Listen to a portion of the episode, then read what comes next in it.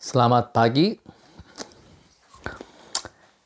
Hari ini kita akan melanjutkan topik kita dengan God is.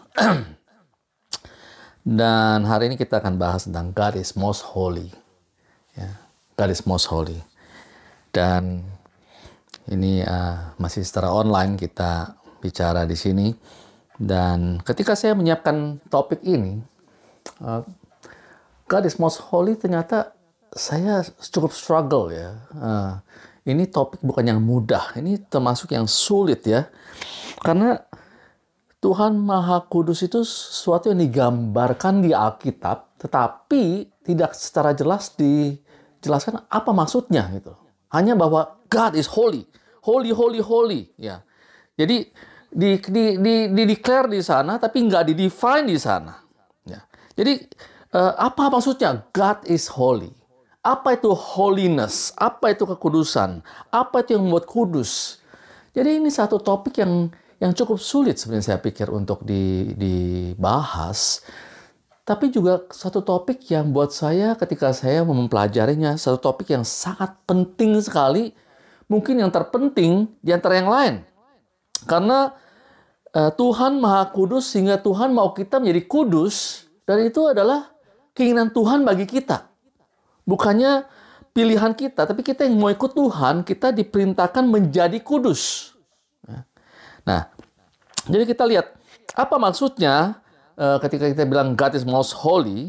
Tapi sebelumnya saya akan recap sedikit bahwa kita sudah bicara uh, tentang atribut of God. Ada yang incommunicable dan communicable. Incommunicable uh, seperti kita lihat daftar di sana ada infinite, incommensurable, self-existent, self-sufficient, eternal, immutable, immutable, omnipresence, omniscience, omnipotent, sovereign God. Dan ada yang communicable. Nah, itu yang kita akan bahas sekarang.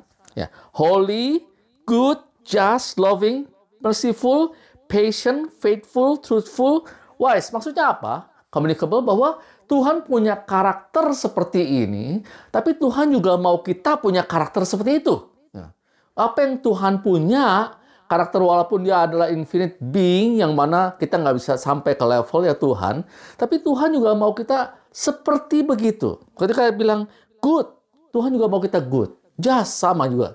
Nah, holy sedikit berbeda. Kita melihat holy adalah yang pertama kali. Dan itu buat saya ketika kita bilang holy itu mencakup kepada keseluruhan daripada semua atribut God yang moral atribut yang di sini. Jadi kita bilang holy itu adalah orang yang yang good, yang just, yang loving, merciful, patient, faithful, truthful, and wise. Jadi holy itu sini enggak ada satu satu spesial. Ya kan? Apa yang membuat saya kudus? Enggak. Ya kan? Tapi lebih karena keseluruhan karakter ini yang Tuhan mau kita punya ketika kita dipanggil menjadi kudus. Ya. Nah, kita harus tahu ketika Tuhan manggil kita kudus, kayak apa sih orang kudus itu ya? Orang kudus kayak apa? Apa orang yang ada sinar, halo keluar ketika dia ngomong, ada hawa kekudusan? Atau mungkin jigong yang kecium, ya kan? Uh, apa ketika ada aura yang memancar dari kehidupan dia? Mungkin nggak begitu ya. Dan kita susah define ketika orang kudus itu kayak apa sebenarnya. Jadi mari kita bicara tentang uh, Tuhan yang Maha Kudus supaya kita jelas. Di sini kita ada ayat-ayat yang di sana saya nggak baca semua tapi ayatnya sebagai reference ketika bagi saudara-saudara yang ingin uh, mencari tahu lebih banyak yaitu Yesaya 6 1 sampai 7, Imamat 20 sampai 26, 1 Petrus 1 13 19. Ya. Yang saya pakai. Nah, holy sendiri kata kudus ini dipakai secara uh, banyak kali di Alkitab. Sekitar 700 sampai 900 kali ya yang dipakai di jadi sangat umum sekali dipakai bahwa God is holy dia adalah holy oh holy holy ya kan jadi bukan kata-kata yang yang yang yang jarang dipakai ini sangat umum sekali bahwa God is holy ya, Tuhan tuh kudus ya. jadi kita lihat apa maksudnya Tuhan kudus ya. di Yesaya 6 pasal 6 ayat 3 berkata kudus kudus kuduslah Tuhan semesta alam seluruh bumi penuh kemuliaannya Nah kita tahu ketika perjanjian lama berkata kudus, kudus, kuduslah Tuhan tiga kali berkata kudus, Ini bukan suatu hal yang main-main. Uh, kita di Inggris mungkin kalau bahasa Inggris punya, wah, good, better, best. Uh, ada more and most, kan. Jadi kita bilang God most holy, kudus, kudus, kudus lah. Ya kan? Jadi Tuhan yang paling, paling kudus. Ya kan? Jadi apa maksud Tuhan paling kudus? Bahwa dia di atas dari segalanya. Dia begitu luar biasa. Dia lain daripada yang lain. Tuhan lain daripada yang lain. Tuhan kita begitu berbeda dengan yang lain. Dia anti dengan dosa. Nggak ada suatu dosa pun yang menyentuh Tuhan. Bahkan orang yang berdosa pun nggak bisa datang kepada Tuhan. Kita sangat sulit sekali memikirkan apa maksudnya holy, holy, holy. Kudus yang kayak apa? Bahkan kalau kita di Yesaya, ketika malaikat berdiklar itu, satu sepasang sayapnya menutupi muka mereka karena mereka nggak mau melihat Tuhan. Mungkin. Ya kan? Dan kita melihat di efeknya di perjanjian lama ketika uh, bait Allah dibangun oleh Raja Salomo. Dan itu ada namanya holy place. Tempat yang kudus. Dan ada yang tempat yang kudus, ada juga most holy place. Uh, holy of holies. Jadi tempat yang maha kudus di sana. Nah, ada suatu tirai yang mem, mem, mem, memisahkan antara tempat yang kudus dengan tempat yang maha kudus. Nah, tempat yang maha kudus ini adalah tempat di mana katanya Tuhan ada di sana.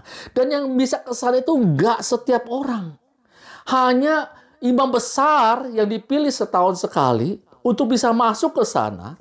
Itu pun setelah dia uh, menyucikan dirinya sendiri dengan darah domba. Baru dia berani masuk ke sana. Setahun sekali. Jadi kita melihat ada suatu jurang yang ada suatu tirai yang memisahkan kita dengan Tuhan di sana sehingga kita sebagai manusia yang berdosa tidak bisa untuk masuk ke dalam hadirat Tuhan yang Maha Kudus. Nah, itu perjanjian lama, ya kan?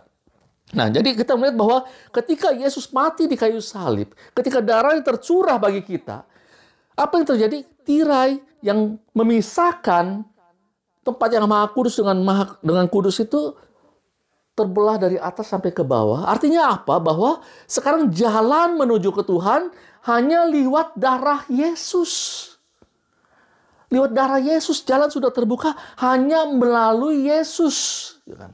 Sebelumnya bahkan juga begitu. Tapi sebelumnya darah Yesus belum dicurahkan.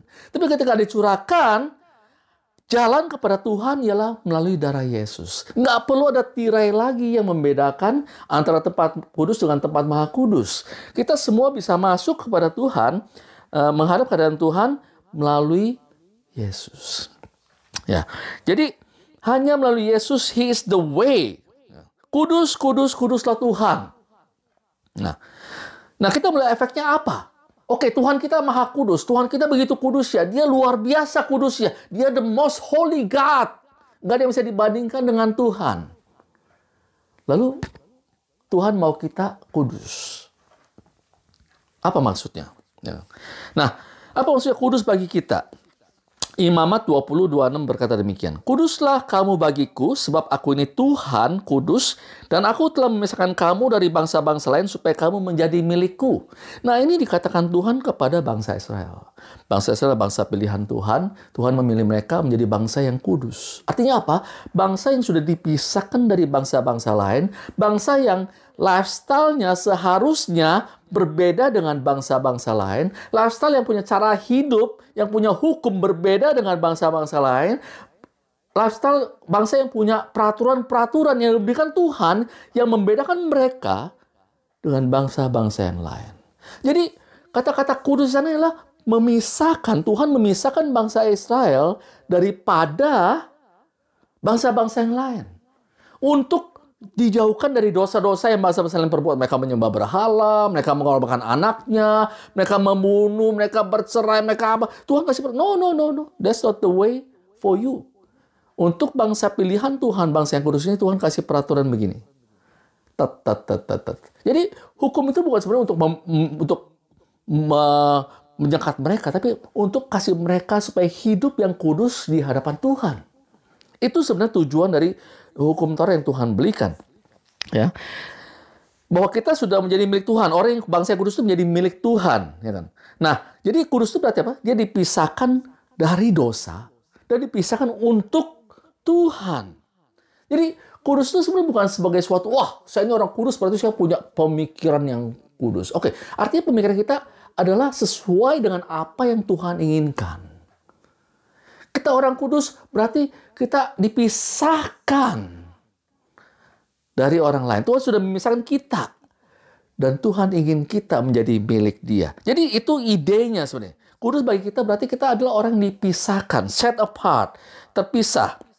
Nah, sini saya bukan ahlinya uh, bahasa Greek, tapi di sini kita mungkin perlu melihat karena buat saya juga kok apa ya artinya set apart, hagios ya kan, of things set apart for God's purpose, dedicated, sacred, holy. Jadi barang-barang yang sudah dipisahkan Tuhan atau orang yang sudah dipisahkan Tuhan untuk menjadi milik dia. Terpisah daripada yang lain. Ini kasarnya apa?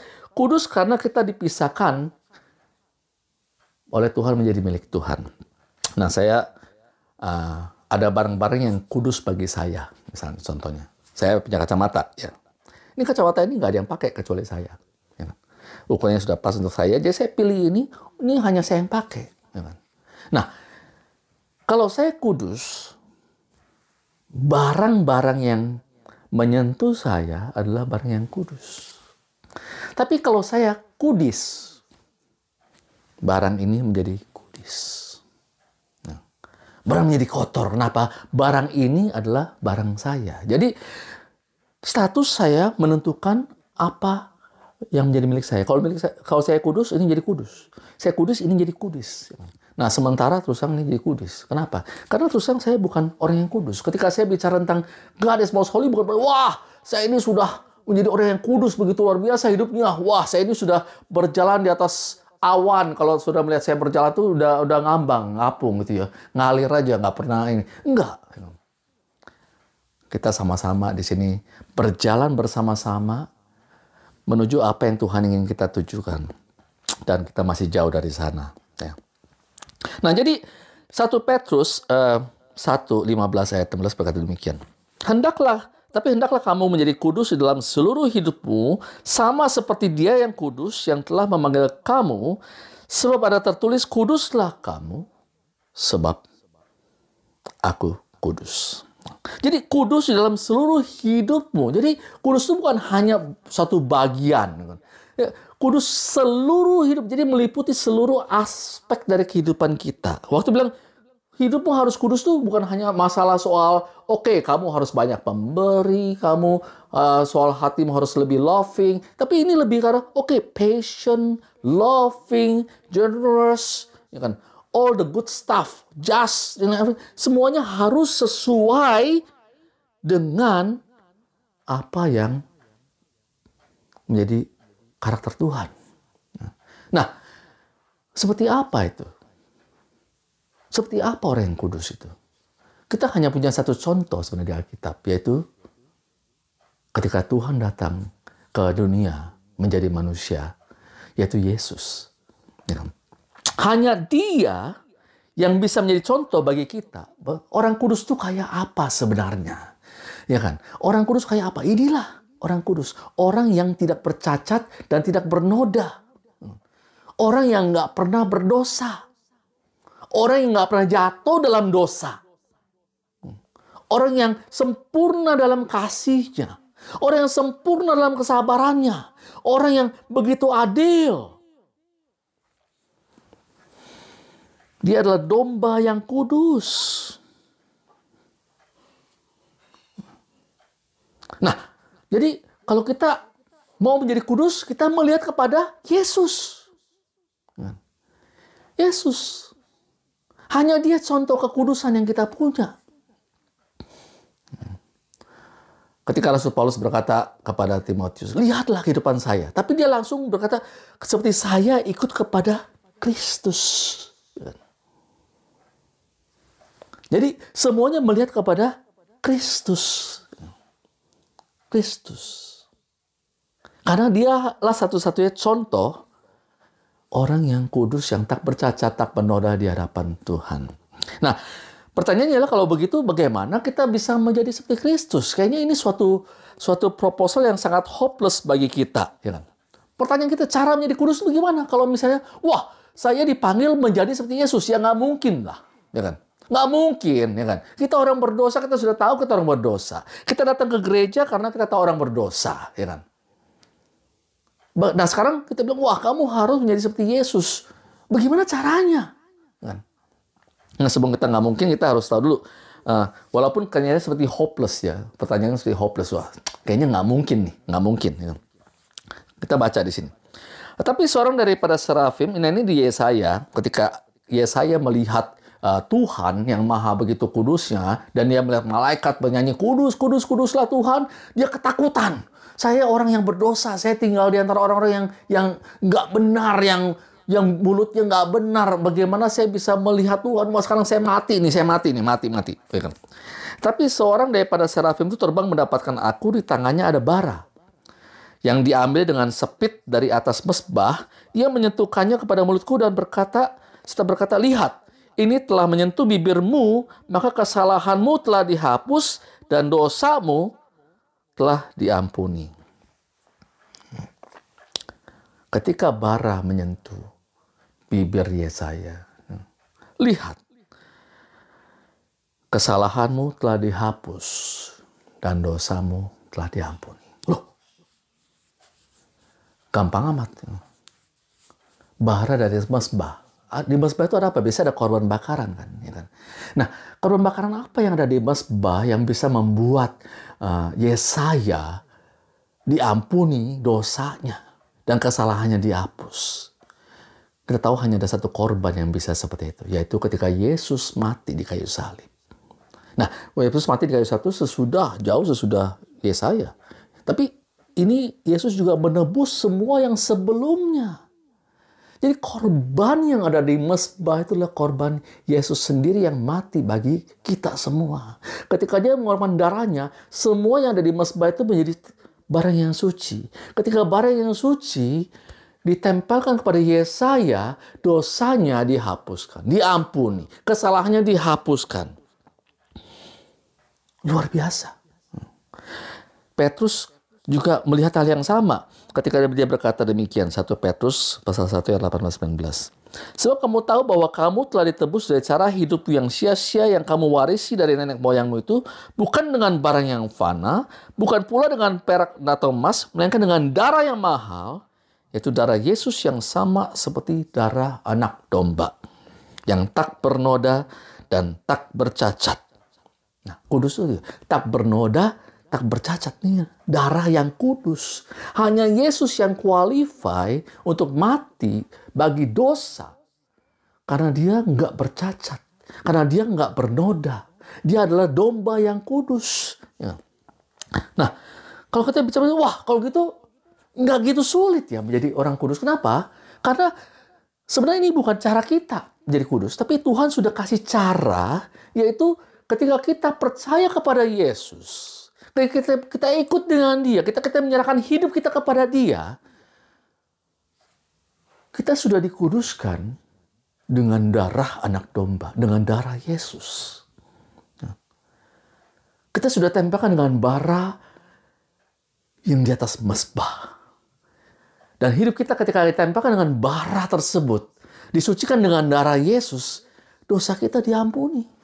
Kesalahan kita sudah dihapus. Hei, kita sudah menjadi orang kudus. Makanya ketika kita bilang orang-orang yang ikut Tuhan itu adalah orang-orang kudus. Kenapa? Bukan kar karena itu. Karena mereka sudah orang yang disucikan oleh darah Yesus. Mereka yang secara status sudah menjadi orang-orang kudus. Yang dosanya sudah diampuni, kesalahannya sudah di, dihapus. Nah, Tuhan sudah melakukannya dalam dengan melalui Yesus. Apa yang tidak mungkin bagi manusia? Sebagai manusia saya nggak mungkin, saya hopeless. Suruh saya menjadi kudus, hopeless. Ya kan? Tapi Tuhan sudah menyediakan cara. Ketika Yesus mati di kayu salib, dia membawa keselamatan kepada manusia. Sehingga orang yang percaya kepada Yesus diberi keselamatan, diberi kekudusan. Bahwa dosanya sudah dihapus. Kesalahannya sudah diampuni. That's us. Itulah kita. Luar biasa kalau kita pikirkan. Wah, bukan karena kita begitu bagus, tapi karena Yesus yang begitu luar biasa. Yesus yang begitu kudus. Sehingga kita yang percaya, yang punya kehidupan bersama-sama dengan dia, itu punya hidup yang kudus. Nah, great, ya kan? Good, oke, okay, ya kan? Nah sekarang kita sudah kudus nih. Wah, ya kan? Mantap dong. Sekarang kita udah selamat nih, ya kan? Nggak usah apa-ngapain nih, ya kan? Yang penting masuk surga, beres, ya kan? Nah kita harus hati-hati sini. Kita harus clear dulu, ya kan? What is next and why, ya kan? Nah, kita sudah kudus, gampang ya kan? Kudus percaya pada Tuhan, percaya pada Yesus bahwa Dia sudah mati bagi saya, Dia mati di kayu salib, mencurahkan darahnya sehingga dosa saya ditebus, kesalahan saya diampuni. Amin. Saya sudah selamat. Amin. Ya kan? What next? Oh, ada next ya, ya kan? Oh, that's it, ya kan? Kamu sudah selamat, beres ya kan? Sekarang kamu, nah kita mesti hati-hati. Apa yang menjadi next kita? Ada orang yang bilang, wah, nggak perlu next.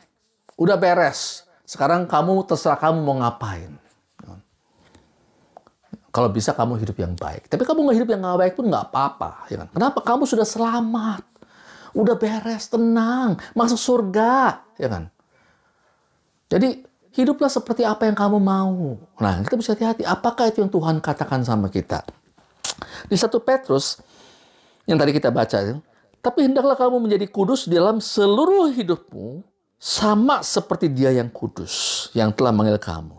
Nah, jadi kalau kita melihat suatu hidup yang kudus, Petrus berkata bahwa ini suatu paket, bukan saja status kamu sekarang menjadi orang kudus. Itu status kamu, bahwa kamu sudah jadi orang kudus. Karena kamu dalam Yesus sudah dikuduskan oleh darah Yesus. Amin. Ya kan?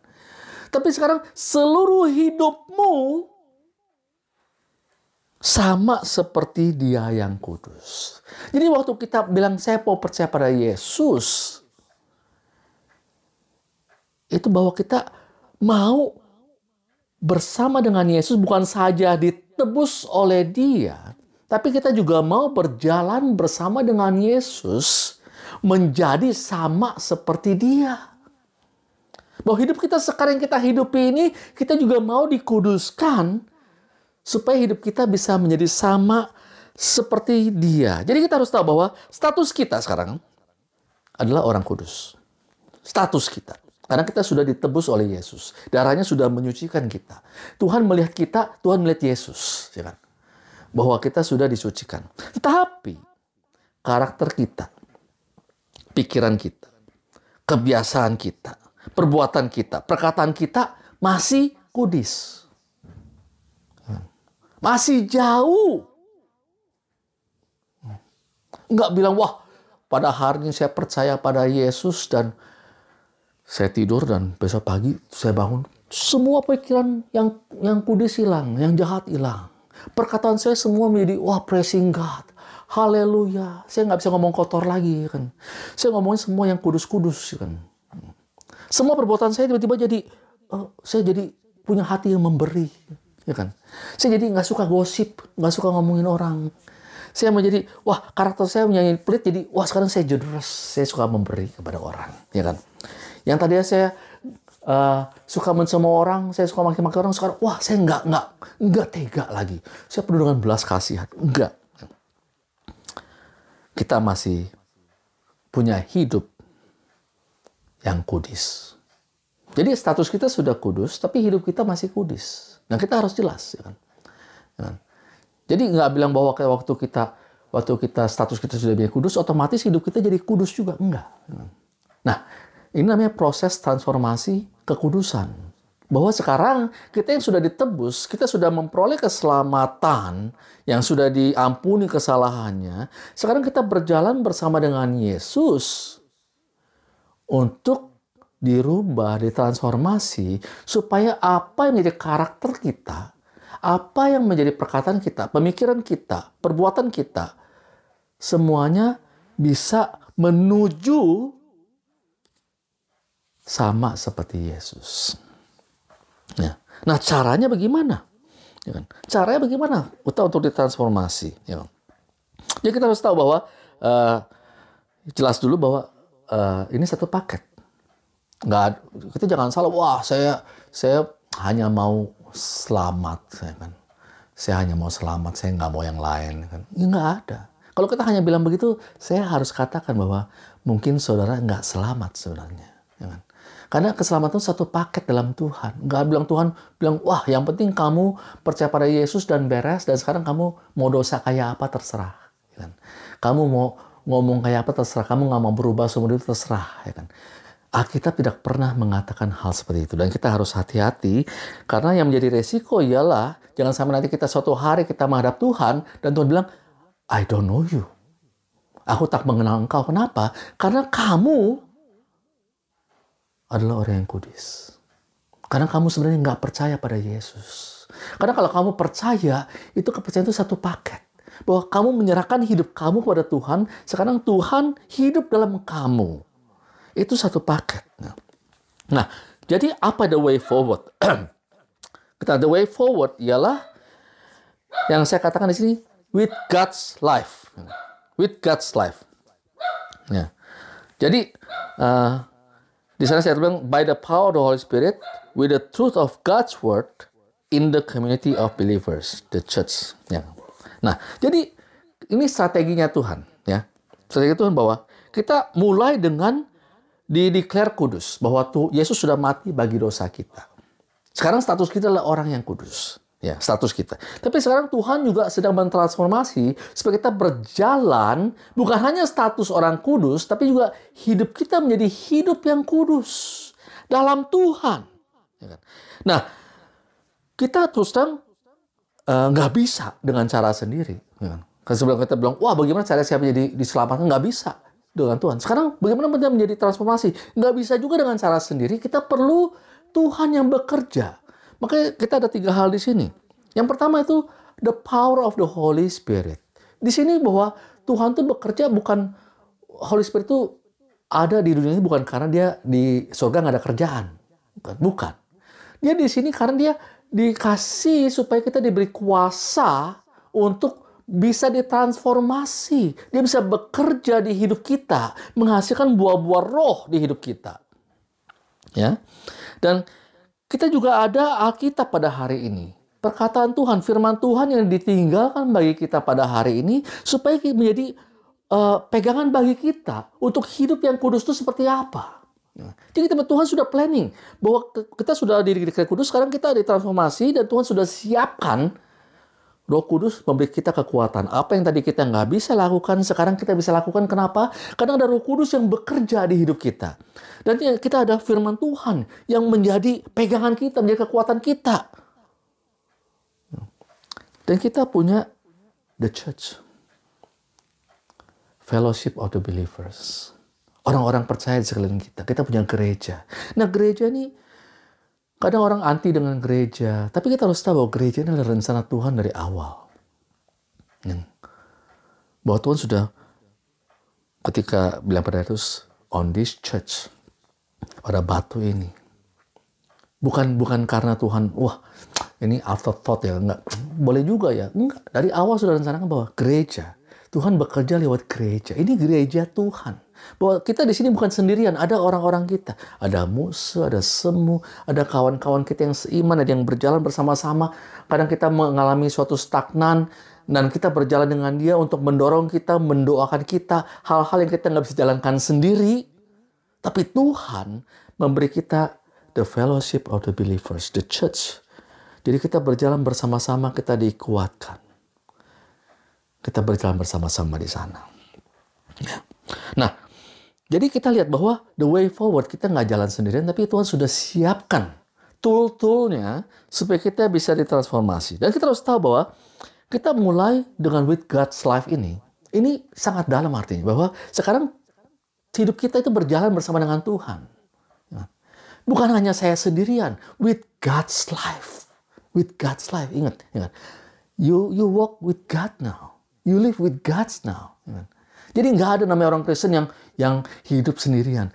Ketika kita menjadi uh, orang percaya dalam dalam Kristus, Our life is with God's life. Sekarang kita berjalan bersama dengan Tuhan. Kita bersama dengan Dia. Dia ada dalam hidup kita.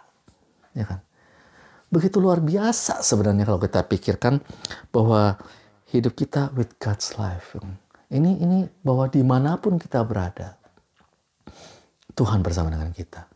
Dan ini non-ending. Jadi kita hidup dengan Tuhan bukan hanya ketika, wah nanti waktu saya sudah di sorga, saya akan hidup bersama dengan Tuhan. No, no. Our life with God starts now. Here. On earth. Ketika kita masih hidup di sini, kita punya fellowship dengan Tuhan. Kita berjalan bersama dengan Tuhan. Waktu kita, suatu hari kita akan passing, kita dari hidup ini kita ke hidup yang akan datang bersama dengan Tuhan.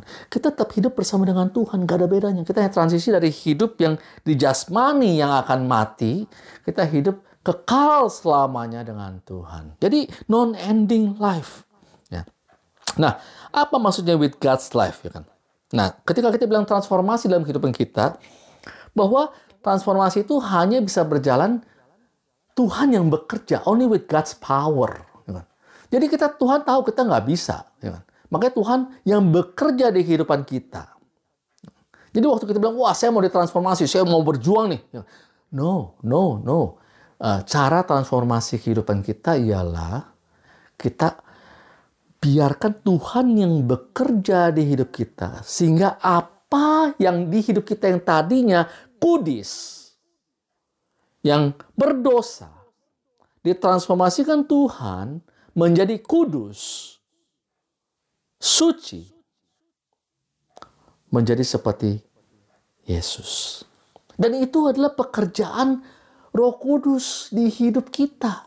Waktu kita bicara Galatia pasal 5 buah-buah roh, itu buah yang dihasilkan oleh Roh Kudus. Love, bagaimana kita bisa mengasihi.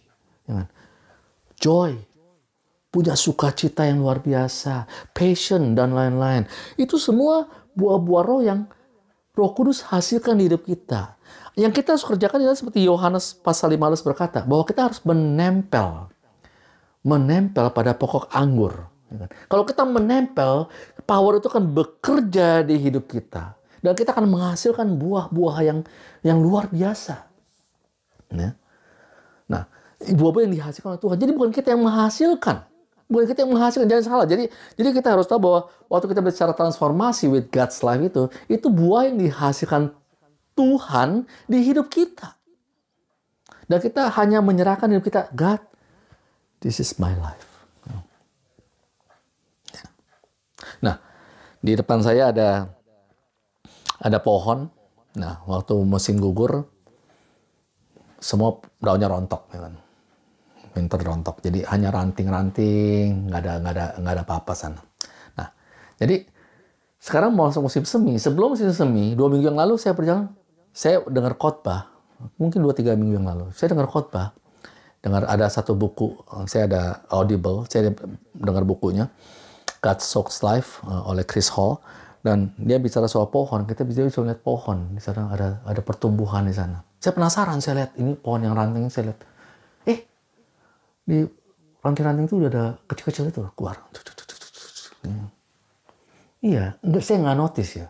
Saya lewat lewat itu jalan tiap hari lewatin aja nggak nggak perhatiin bahwa tiba-tiba keluar bunga bunga-bunga yang kecil-kecil itu.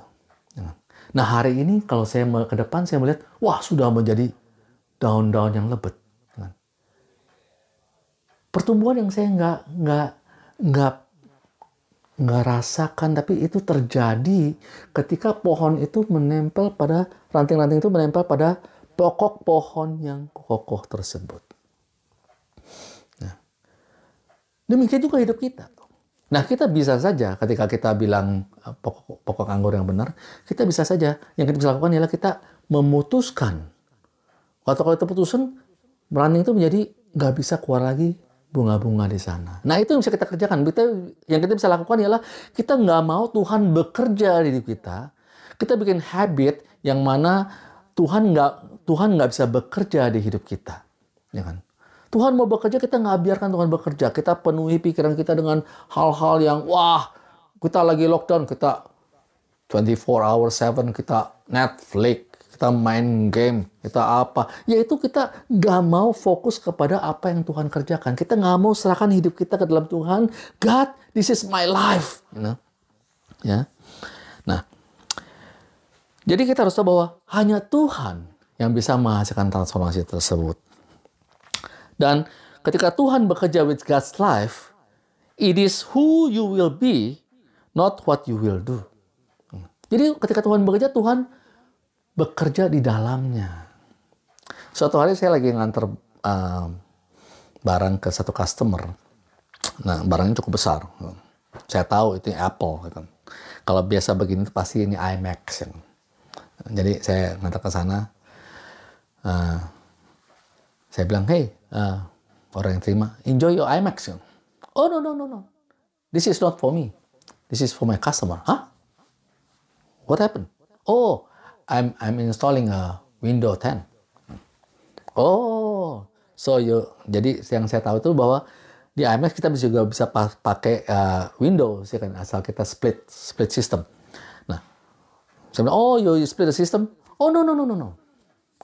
I'm changing the system. Saya mengubah dalamnya jadi dia beli IMAX yang 4000 dolar mungkin ya kan. Ada customer dia beli IMAX 4000 dolar, dikirim ke dia supaya dalamnya di, dirubah, di format ulang dan dipasang Windows 10. Hmm. Jadi depan logonya Apple, ya kan? Semua hardware dari Apple karena customer suka Apple dan suka logo Apple. Wah, ini prestige kan. Tapi dalamnya Windows 10. Jadi dalamnya yang dirubah total, ya kan. Nah, Luar biasa saya pikir ya, ada orang yang mau begitu ya. Cuman saya pikir ini yang, yang Tuhan lakukan sama kita. Ya. Tuhan bukan hanya mengubah, wah kamu harus lakukan ini nih. Kamu jadi orang yang suci berarti kamu sekarang harus oh, uh, ke gereja misalnya kan. Ini all good things ya kan. Kita harus memberi all good things. Baca Alkitab, all good things ya kan. Ini ini hal yang baik. Tapi bukan hanya itu Tuhan yang mau lakukan. Tuhan ingin mengubah hati kita, karakter kita, Ya. Jadi Tuhan bukan mengubah behavior, wah kamu nih uh, emosi, nah bagaimana cara supaya emosi? Kamu harus uh, kalau kamu emosi kamu hem hem hem hem hem hem ah, turun emosinya. Enggak begitu. Hmm. Tuhan mau mengubah dalam kita supaya kita menjadi orang yang seperti punya karakter Kristus yang bisa melawan dosa, yang bisa taat dengan Tuhan, apa yang keluar buah yang baik jadi apa yang karakter yang dirubah itu yang akan terpancar di hidup kita. Jadi bukan hanya perbuatan kita yang dirubah, walaupun perbuatan itu penting, tapi itu bukan yang paling penting. Yang paling penting adalah karakter di dalam kita. Kita bisa, wah saya punya sikap mengasihi. Oh iya, mafia pun bisa mengasihi. Kalau kita suka melihat film, film yang dulu yang paling top itu adalah uh, The Godfather. The Godfather. Kalau yang belum pernah lihat, jangan lihat. Ya kan? Karena itu sangat kejam dia sangat mengasihi keluarga dia. Wah, keluarga dia diprotek. Tapi musuh dia, sorry, pala pancung, tembak, mati, segala macam ya kan. Tapi dia sangat sayang sama keluarga dia, ya kan. Nggak punya hati mengasihi kepada orang lain. Tapi enggak.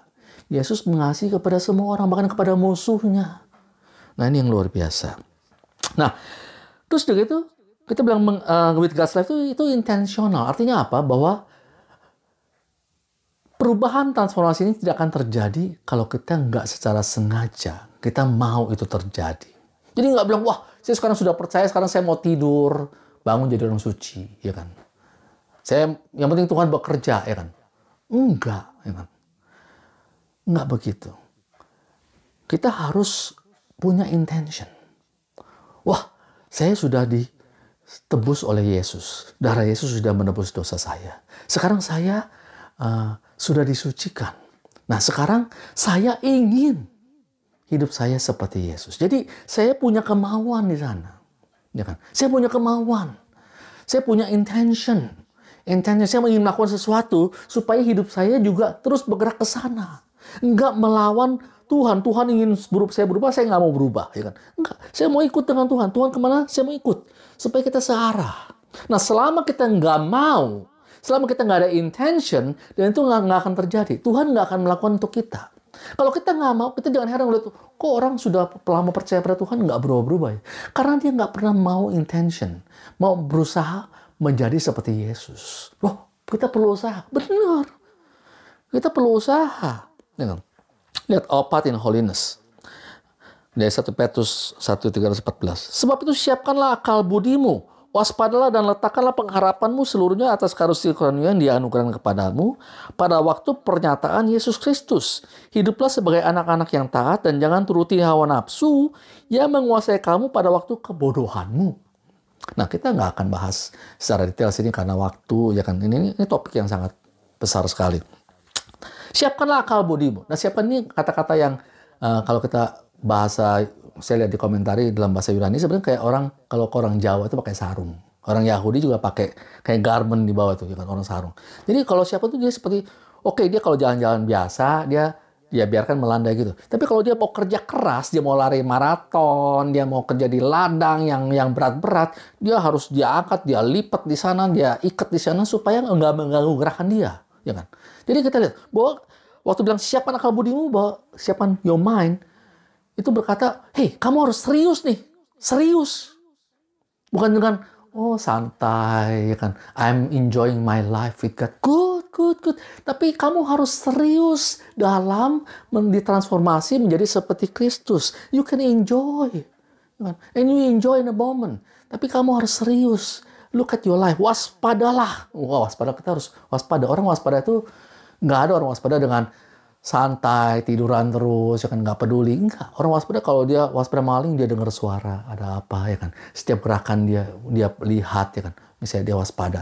Nah itu kita juga bahwa kita harus waspada. Apakah hidup saya ini sekarang terus bertumbuh menjadi seperti Kristus atau stagnan? Atau jauh sama Tuhan bahkan. Atau yang seharusnya saya sudah mungkin 10 tahun saya sudah berubah karakter saya. Saya masih sama kayak dulu. Kenapa? Dan letakkanlah pengharapanmu seluruhnya, the living hope, seluruhnya kepada Yesus Kristus yang akan dinyatakan kepada kita pada hari kedatangannya. Jadi kita punya living hope bahwa apa pun yang terjadi sama kita, kita punya pengharapan yang luar biasa dalam Yesus. Nah, jadi kita harus tahu bahwa dalam kehidupan kita, kita harus proaktif, kita bilang sini. Proaktif. Proaktif. Take active part. Kalau kita lagi lockdown gini, kita melihat ketika saya keliling-keliling antar barang, saya lihat bahwa banyak orang sudah mengubah uh, garasi mereka menjadi gym, private gym, karena gym pada tutup. Ya kan? Dan kita tahu orang Australia banyak yang addicted to working out. Nomor one is working out. Ya kan? Jadi mereka taruh, pasang gym, mereka order gym, pasang bench press lah, pasang apa di sana ya kan, uh, segala macam barbell di sana, jadi gym. Ya kan? Kenapa? Karena mereka serius tentang kesehatan mereka. Nah, kita harus tanya, kalau begitu serius tentang kesehatan, bagaimana dengan kehidupan rohani? Yang paling penting. Ya. Mungkin kita di lockdown sekarang kita, wah saya serius nih, saya harus jaga kesehatan. Saya tetap olahraga, saya keliling-keliling. Bagus. But remember, ingat, the most important things is your life with God, with God's life. Ini perintah Tuhan yang sudah mati bagi kita di kayu salib. Apa yang sudah kita lakukan? Apa yang sudah kita planning? What is your plan for holiness? Loh, kita harus plan. Kita harus rencana buat holiness, buat kesucian. Oh iya.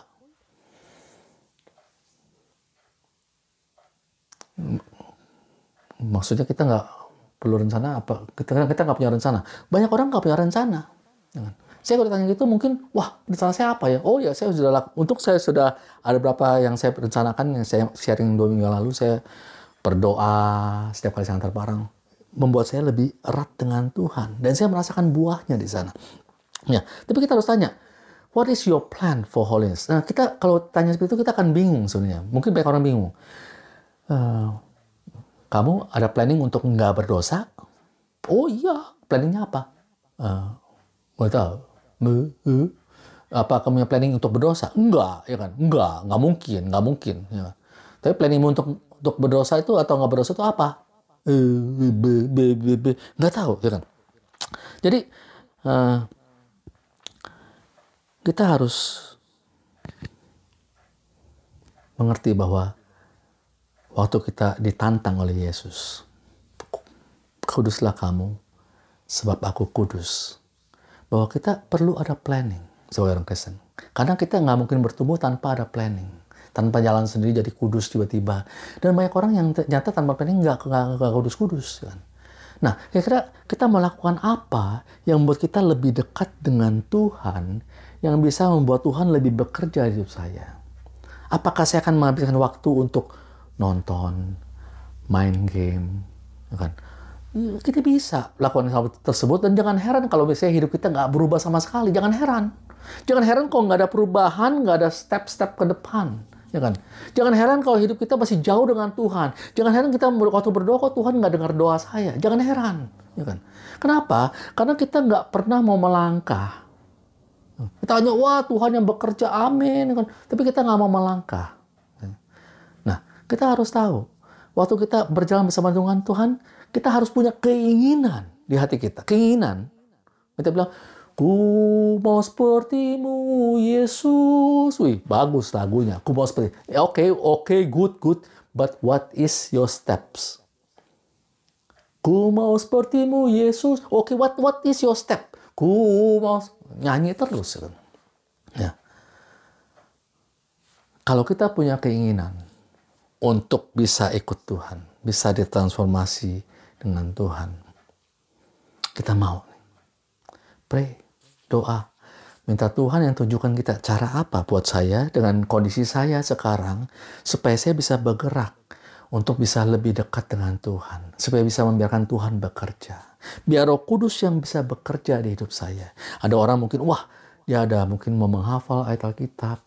Dia orang mungkin, oh saya mau perlu perlu time with God saat itu. Saya mau prayer walk with God. Saya mau apa?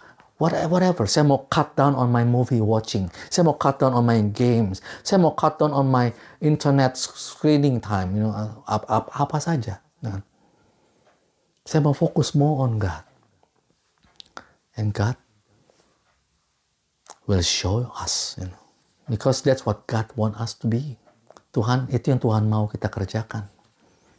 And that is our challenge today. Ketika kita melihat Tuhan Maha Kudus. Dia bilang, ku mau sepertimu Yesus. Ya. Kita Tuhan sudah siapkan roh, roh kudus yang hidup dalam kita. Tuhan sudah siapkan firmannya di sini. Tuhan sudah siapkan ada fellowship of the believers.